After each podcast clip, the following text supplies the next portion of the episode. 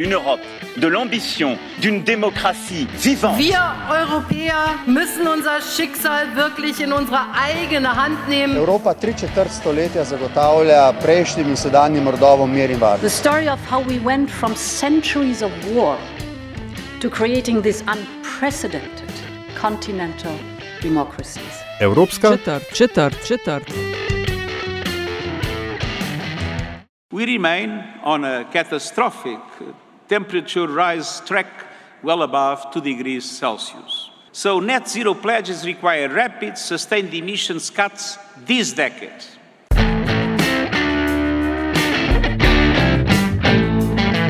Spoštovane in cenjeni, dobrodošli v podkastu Evropska četrt, podcast o vsem, kar vas bo zanimalo o Evropski uniji, pa niste vedeli, koga vprašati. Evropsko četrt vodi vam Nataša Briški in Aljaš Pengovitenc.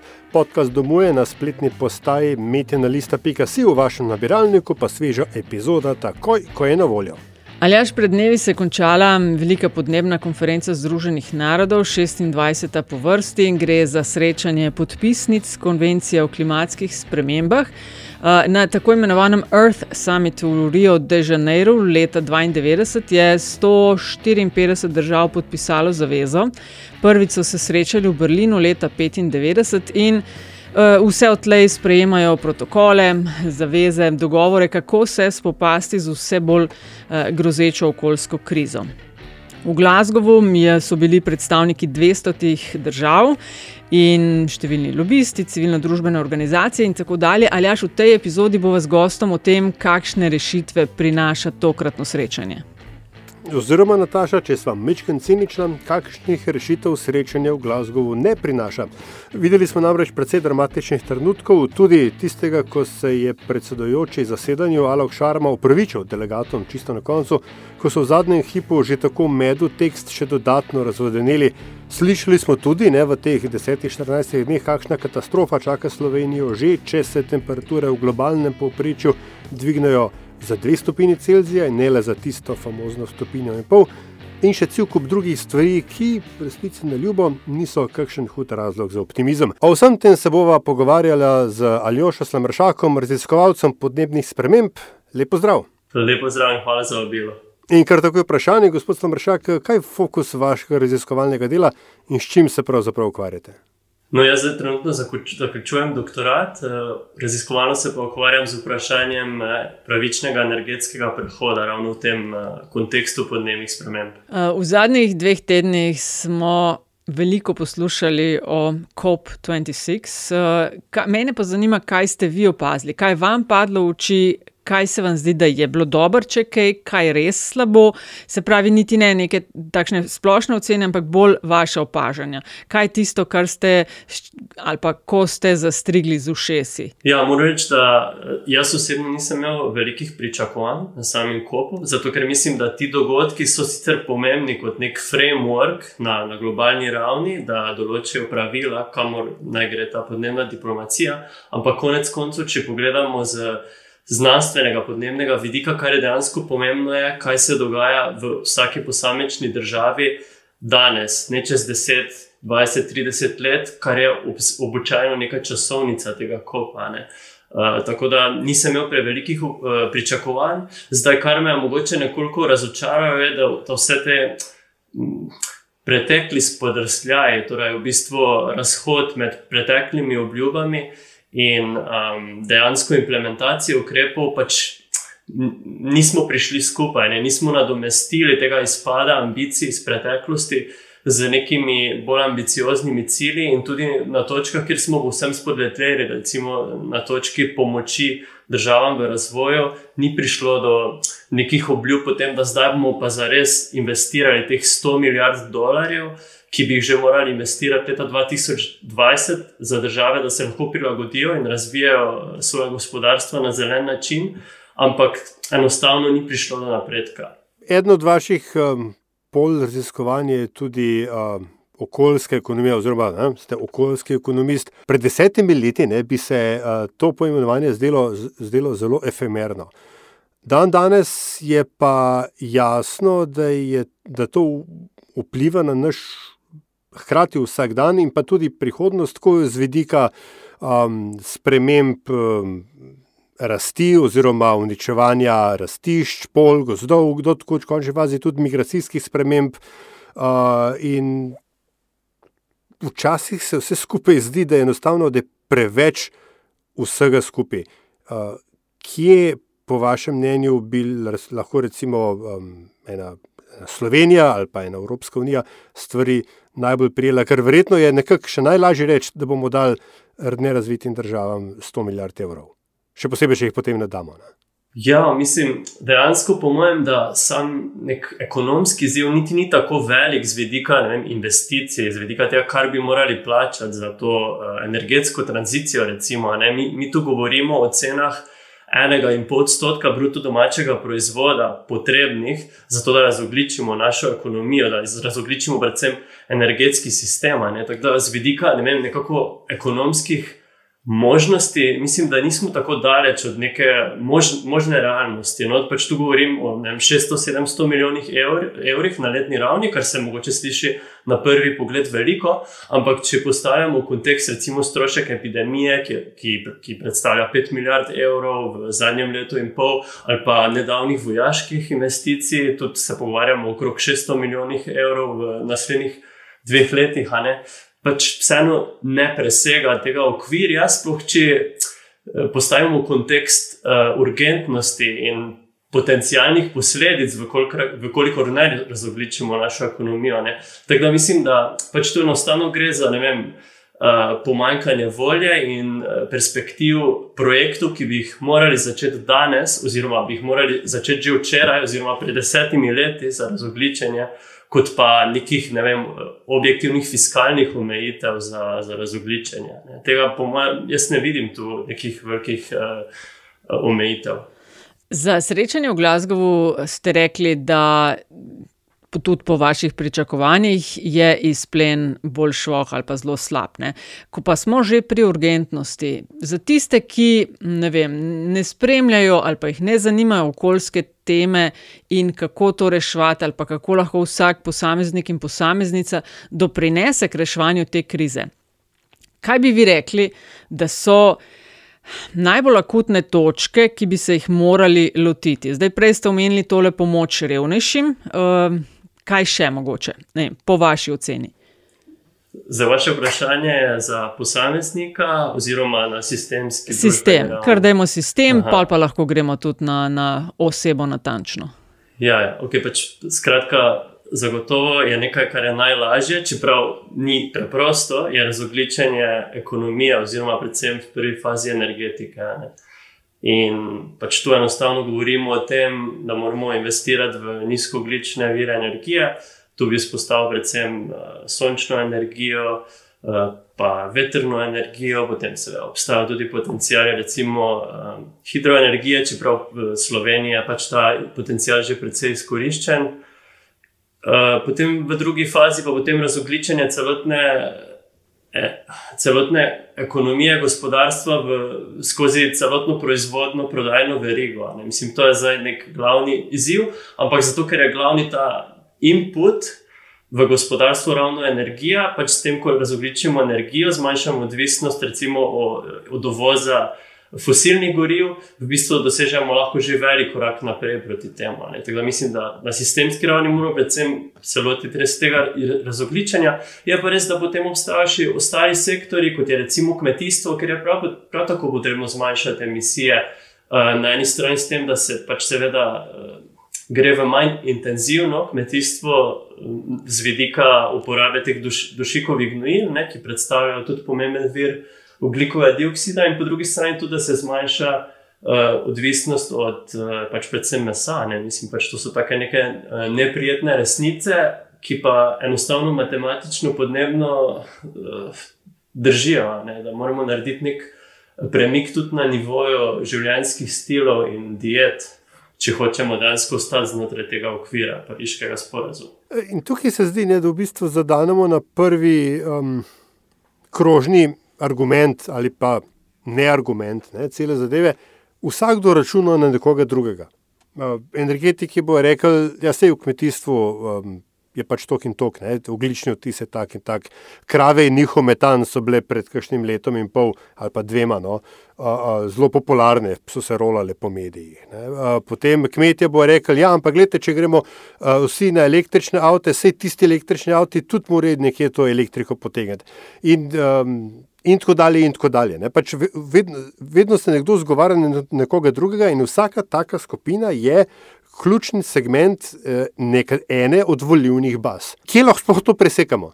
To je preveč fragmentiran framing uh, samega problema. Mislim, da dejansko moramo razmišljati celostno. Mislim, da res drži, da celoten kompleks gospodarskega sistema, družbenih praks je res odvisen od, od fosilnih goriv in uh, proizvaja izpuste. Tako da v vsakem, vsaki, vsakem podstati, vsakem podsektorju pač lahko odkrijemo, seveda, da temelji na, na, na ogličnih virih. Kaj to pomeni? Pač zaključek je, da ja, je potrebno enostavno eliminirati te emisije iz vseh podsektorjev.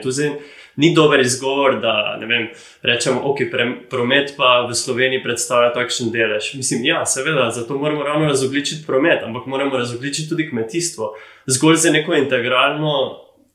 Uh, z integralnim razogličenjem lahko dejansko dosežemo pariški sporazum. Tako da enostavno ne vidim teže tega argumenta, da rečeš, aha, ampak sosed pa, pač eh, emitira še več, ne? karikirano gledano. Ja, pač sej, sosed je potem tudi problem, ampak še vedno smo oba dva problem. Um, lahko mogoče malo na številko natančno, ko govorimo o razogličenju oziroma o tem, da je problem energetika.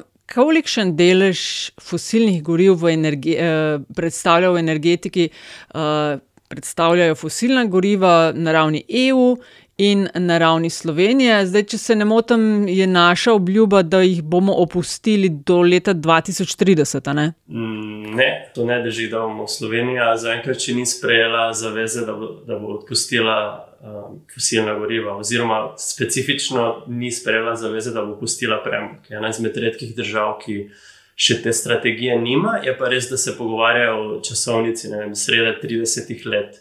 Kakšen delež predstavlja? Um, Predstavlja torej fosilna, fosilna goriva v končni porabi energije.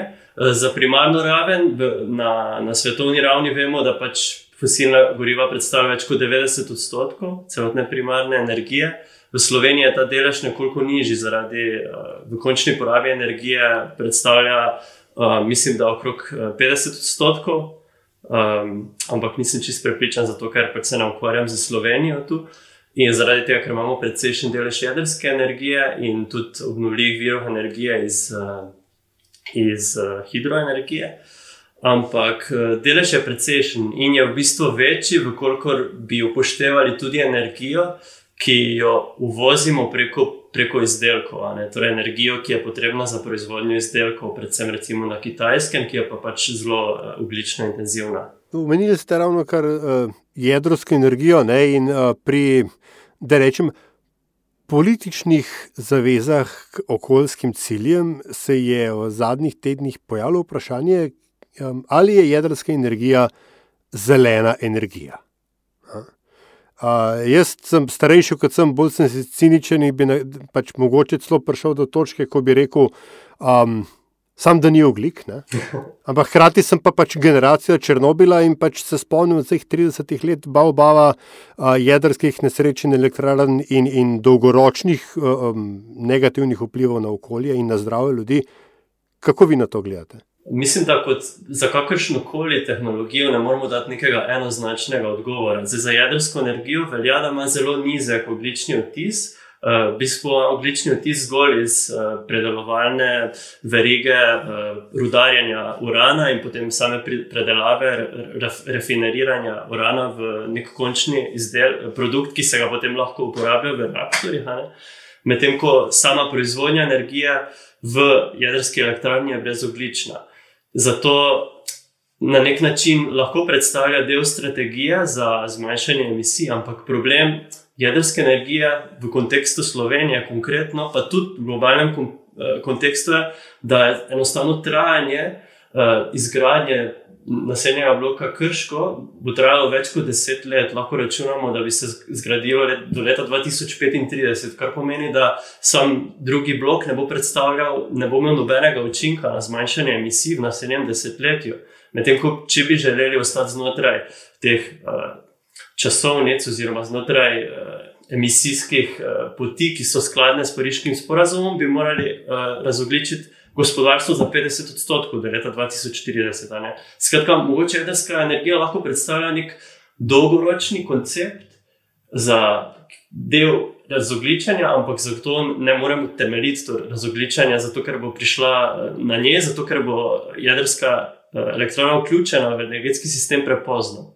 Skratka, moramo pogledati onkraj jedrske energije, predvsem na obnovljive vire v tem primeru. Mm -hmm. Nekaj minut preden smo začeli snemanje tega pogovora, uh, Eh, je v kontekst, kontekstu energetskega dovoljenja za nek dve, ministr Vrtovec, se pravi ministr za infrastrukturo, tvitnil. Um, zapisal o načrtnem nagajanju našemu cilju, citiram, to je, da Slovenija postane podnebno neutralna ter energetsko neodvisna država. In zraven piše, ne moremo se hkrati voziti uh, z električnimi vozili, se ogrevati s toplotno črpalko, hladiti s klimo in uh, biti proti vsem alternativam, proti vetrnim elektrarnam, proti izrabi vodnih virov, sedaj še proti jedrski energiji. Um, dodajate še kaj vašemu prejšnjemu odgovoru glede stave na jedrsko energijo? Mislim, da pač je, je sam zaključek je kon konkreten, mislim pač je, je, je faktično resničen. Pač dejansko moramo sprejeti neko strategijo razogličenja v katero, po kateri pač enostavno moramo sprejeti določene kompromise. Vemo, da pač noben od uh, obnovljivih virov ni popolna, ne, da, da vsak ima določene pomanjkljivosti in tudi da noben ni. Eh, brez kakršnih koli imp impaktov, torej posledic na okolje. Vemo, da recimo tudi za sončno energijo eh, pač potrebujemo zelo intenzivne procese rodarjenja in, in podobno. Tako da enostavno, ja, moramo sprejeti določene kompromise. Mislim pa, da vseeno pač tu gre uh, za, za neke vrste. Ne vem, no, eh, nagajiv komentar, zato ker mislim, da gospod Vrtovec ne predstavlja neke sektorja eh, slovenskih energetikov ali pa gospodarstvenikov, ki so res znani za neke ambiciozne uh, pri, pri razogličenju. Ne, da tu gre zgolj za pač enostavno nagajanje prek Twitterja ali iskanje lahkih točk, no, zato ker tudi gospod Vrtovec nima neke zelo jasne strategije, kako razogličati energetiko. Ko smo že pri strategijah in projekcijah, um, jaz sem bil kar precej presenečen, pa ni ravno, da ne bi spremljal te teme v smislu nekega širšega žurnalističnega uh, uh, spremljanja. Da bo se pravi globalno segrevanje v povprečju za stopinjo in pol, ne ta famozni cilj, ki zdaj zaradi Glasgowa očitno se mečkom bolj oddaljen, kot, kot je bil pred njim, da bo Slovenija, grdo rečeno, nasrkala bolj kot povprečje, kot pač bo, bo globalno povprečje. In da bi recimo dvig, uh, dvig globalne temperature za dve stopinji v Sloveniji pomenil dvig za tri stopinje. Da sploh ne govorimo o katastrofičnem scenariju, če bi nam sploh ne uspelo zamejiti um, oglikovih eh, izpustov oziroma eh, izpustov CO2. -ja. Um, a se po vašem mnenju v Sloveniji dovolj zavedamo teh slabih projekcij? Ne, mislim, da to se ne zavedamo. Drži, da Slovenija se greva, se greva hitreje kot preostali del sveta, ampak mislim, da bo dal samo en primer, ki v bistvu nakazuje na to, da se ne, zahteva, eh, ne zavedamo samih posledic. Vem, trenutno razširjujejo, eh, ravno sekajo na pohorju eh, gost za razširjanje. Zlate lisice, torej samega smočišča, ki dolgoročno nima prav nobene perspektive rentabilnosti, zato ker je enostavno na tako nizki uh, le, legi, da enostavno v roku 10-15 let pač ne bo več rentabilna. Ne bomo mogli proizvajati snega niti z umetnim zasneževanjem, zato ker se bodo temperature toliko dvignile. In se ne rabimo zdaj biti uh, zelo, zelo velika strokovnjaka, da vidimo, da koliko krat so zlato lesico in tako že odpovedali ne, v zadnjih 20 letih. Ne. Skratka, mislim, ne, da, da tega nimamo internaliziranega, da mislimo, da lahko nadaljujemo z gospodarskim modelom kar tako naprej, da se podnebne spremembe uh, ne dogajajo, in ne, no, žal, no, mečemo denar skozi okno. Um, katere države ali pa lideri na ravni EU so pa tisti, ki se vam zdi, da razmišljajo, kot bi bilo treba, ko govorimo o razogličenju in spopadanju z okoljsko krizo? Koga bi vi dali za vzor? Kaj tisto, kar rečete, to pa ti le delajo dobro in je prava pot? Ne, žal vam more, vas moram začarati. Mislim, da, da ne poznam nobenega, no, ki bi ravno dajal to med uh, ključne prioritete. A pride kakšen blizu, ali je čist vse, kar delajo vsi, um, ok, premalo, ampak je vsaj kdo na približno pravi poti. Ali pa ne vem. Ne. Ne. ne. Pa ne drugače vprašaj. Sicer niso v EU, ne, ampak so pa bili do nedavnega in mislim, da ravno letos poleti ali pa lani, se ne vem, ta, ta korona mi je čez zmešala časovnico v glavi. Ampak na neki točki je bil kar velik halo okoli dejstva, da, so, da je Velika Britanija prvič v zgodovini sproducirala več energije iz obnovljivih kot iz fosilnih virov. Um, a je to, rekel, vsaj kakšna svetla točka v sicer precej temnem tunelu podnebnih sprememb? Mm, na nek, na nek način ja, ampak to v bistvu zgolj velja za določene dneve, ko je bilo res obilico sonca in vetra v Veliki Britaniji. Zdaj, podobno se je že zgodilo v Nemčiji, pa na Danskem, zato ker imajo veliko kapacitet obnovljivih virov energije. Tako da na nek način bi lahko te države postavili kot zgled. Ampak vseeno gre tu res za neke izjemne pač primere, ko, ko so bili uh, torej obnovljivi viri res v izobilju. Ampak In, in pač to je trajalo za nekaj ur, ne? zato ker recimo po noči, ko nimaš sonca, ne moreš pač proizvajati uh, energije iz sončnih elektrarn. Um, ampak vseeno te države, če pogledamo na celoletni ravni, koliko izpustov proizvajajo, dejansko niso bistveno zmanjšale svojih emisij. Sploh, če uh, vzamemo v zakup emisije, ki jih nekako uvozijo preko izdelkov. Zdaj moramo vedeti, da se v Evropski uniji na evropskem prostoru nasplošno zgodil velik premik v sami industrializaciji v zadnjih 20 letih in sicer, da imamo strukturni premik na storitve, na storitveni sektor, ki je manj oglično intenziven, ampak to ne pomeni, da smo postali manj odvisni od uh, materialno intenzivnih dobrin. Ne, zgolj uvažamo jih iz drugih delov sveta, predvsem Azije. Ne.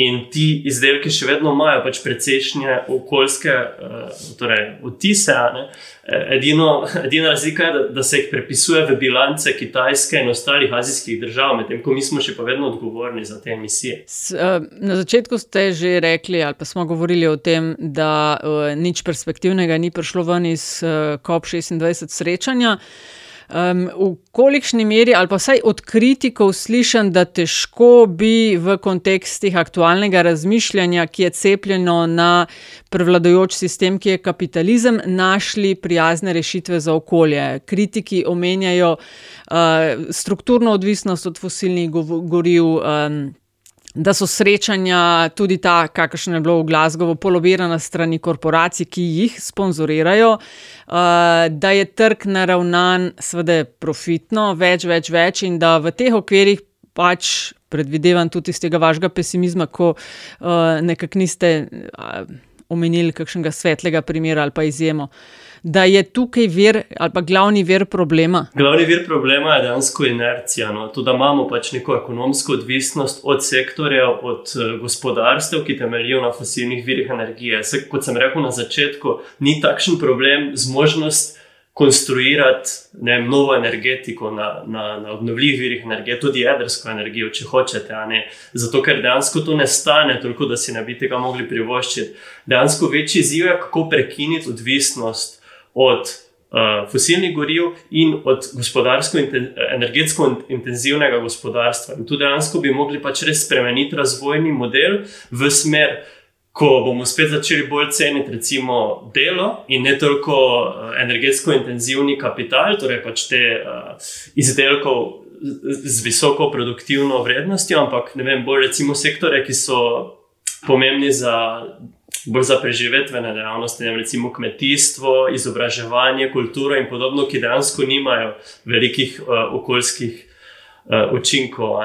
Tako da pač enostavno je potrebno narediti ja, res eno veliko strukturno transformacijo gospodarstva in uh, prenehati z odvisnostjo od fosilnih goriv. To je pa res velik izziv. Se mogoče v tem kontekstu ne, zgodovina uči, da se spremembe pogosto zgodijo, je zelo redko. Jih je človeštvo pripravljeno uvajati postopoma z nekim načrtom, doseči neko novo stanje. A, kaj je po vašem mnenju bolj verjetno, da se zmenimo in da razogličene družbe izvedemo, ali da ga bomo prisiljeni izvesti zelo na hiter in ob precejšnjih žrtvah, ekonomskih in siceršnjih? Do razogličenja bo zagotovo prišlo v vsakem primeru, zaradi tega, ker fosilni, fosilna goriva so omejena, to so omejeni resursi. Tako da slejko prej bomo prišli do točke, ko več ne bo nafte, ko več ne bo premoga. Zdaj, velika tragedija na dolgi, na dolgi skali eh, človeške zgodovine je, da bomo verjetno do tega prišli šele takrat, ko bomo že pregreli naš planet in bomo pač precej zmanjšali zmožnosti za dostojno življenje. Tako da bomo verjetno tega prišli nekoliko prepozno, kar je pa res pač precej tragično, zato ker ne vem, kaj bomo, kaj bomo s tem dokazali, oziroma kaj pozitivnega bomo s tem dosegli. V vsakem primeru bomo mogli prejeti uh, na, na ostale vire energije. In Ja, velika tragedija je, da trenutno imamo vse kapacitete, da to že naredimo. Poznamo tehnologije, s katerimi bi lahko pridobivali elektriko brez oglika, ampak pač ni volje, da bi prišli na to. Um, se vem, to bo zdaj malo takšno uh, splošno vprašanje, ampak vseeno, dajmo se poigrati. Če ne bi bilo omejitev in bi vi imeli v svojih rokah škarje in platno, se pravi, nobenih omejitev, vprašaj vas, tukaj smo, kaj moramo narediti od jutra dalje. Kaj bi vi naredili? Najlažje, kar je narediti, je pač enostavno zagnati pro programe v energetiki za razogličenje, skratka, začeti na množični eh, skali eh, investirati v sončno, solarno energijo pri nas.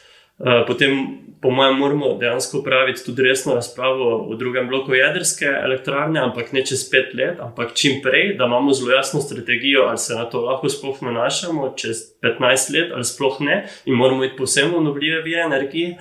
Na drugi strani pa mislim, da je treba dejansko reformirati gospodarski model, mislim, da je treba se na nek način tudi vrniti nazaj k, k kmetijstvu. Na eni strani zaradi tega, ker samo kmetijstvo ima možnost, da precej zmanjša okoljski uh, vtis samega gospodarstva, in po drugi strani tudi zaradi tega, ker kot posledica podnebnih sprememb bomo vedno bolj odrezani od globalnih. Uh, prehrambenih verig in bomo, bomo mogli bolj temeljiti na samozadostnosti kmetijstva. Na tretji ravni pa mislim, da moramo spremeniti uh, sam ekonomski model stran od uh, stremenja k čim večji rasti, ampak dejansko začeti razmišljati o tem, kako na prvo mesto dati pač zadostitev človekovih potreb, dostojno življenje, tako pri nas, kot tudi uh, v državah raz, v razvoju, ki pač potrebujejo razvojno pomoč, da lahko razvijajo svoje gospodarstva in da se lahko prilagodijo na posledice podnebnih sprememb, ki bodo tam še disproporcionalno večje kot pri nas. Tema um, Aljaš okolje in razogličenje je nekaj, kar bo v Evropski četrti govorila še velikrat. Uh, Aljoša Slamršak, upam, da vas lahko še kdaj uh, pocukava za rokav. Ja, z veseljem. No. Meni je bilo z veseljem sodelovati. Hvala za povabilo še enkrat. Najlepša hvala. To je bila Evropska četrt, 82. podcast Vesolju. Hvala za vašo pozornost, predlogi in mnenja pa so kot vedno zelo dobrodošli. Hvala pa tudi za pohvale in kritike, ki jih delite z nami in seveda res hvala za investicije, ki jih namenjate razvoju in produkciji naših vsebin. Avtor glasbene podlage je Peli iz podcasta. Upravičujemo se za vse nevšečnosti. Če vam je vsebina všeč, bo pomagalo, da nas najde še kdo, če naj jo ocenite pri vašem izbranem podcast ponudniku. Hvala za to in uh, tudi hvala za vašo družbo, pa se spet slišimo k malu.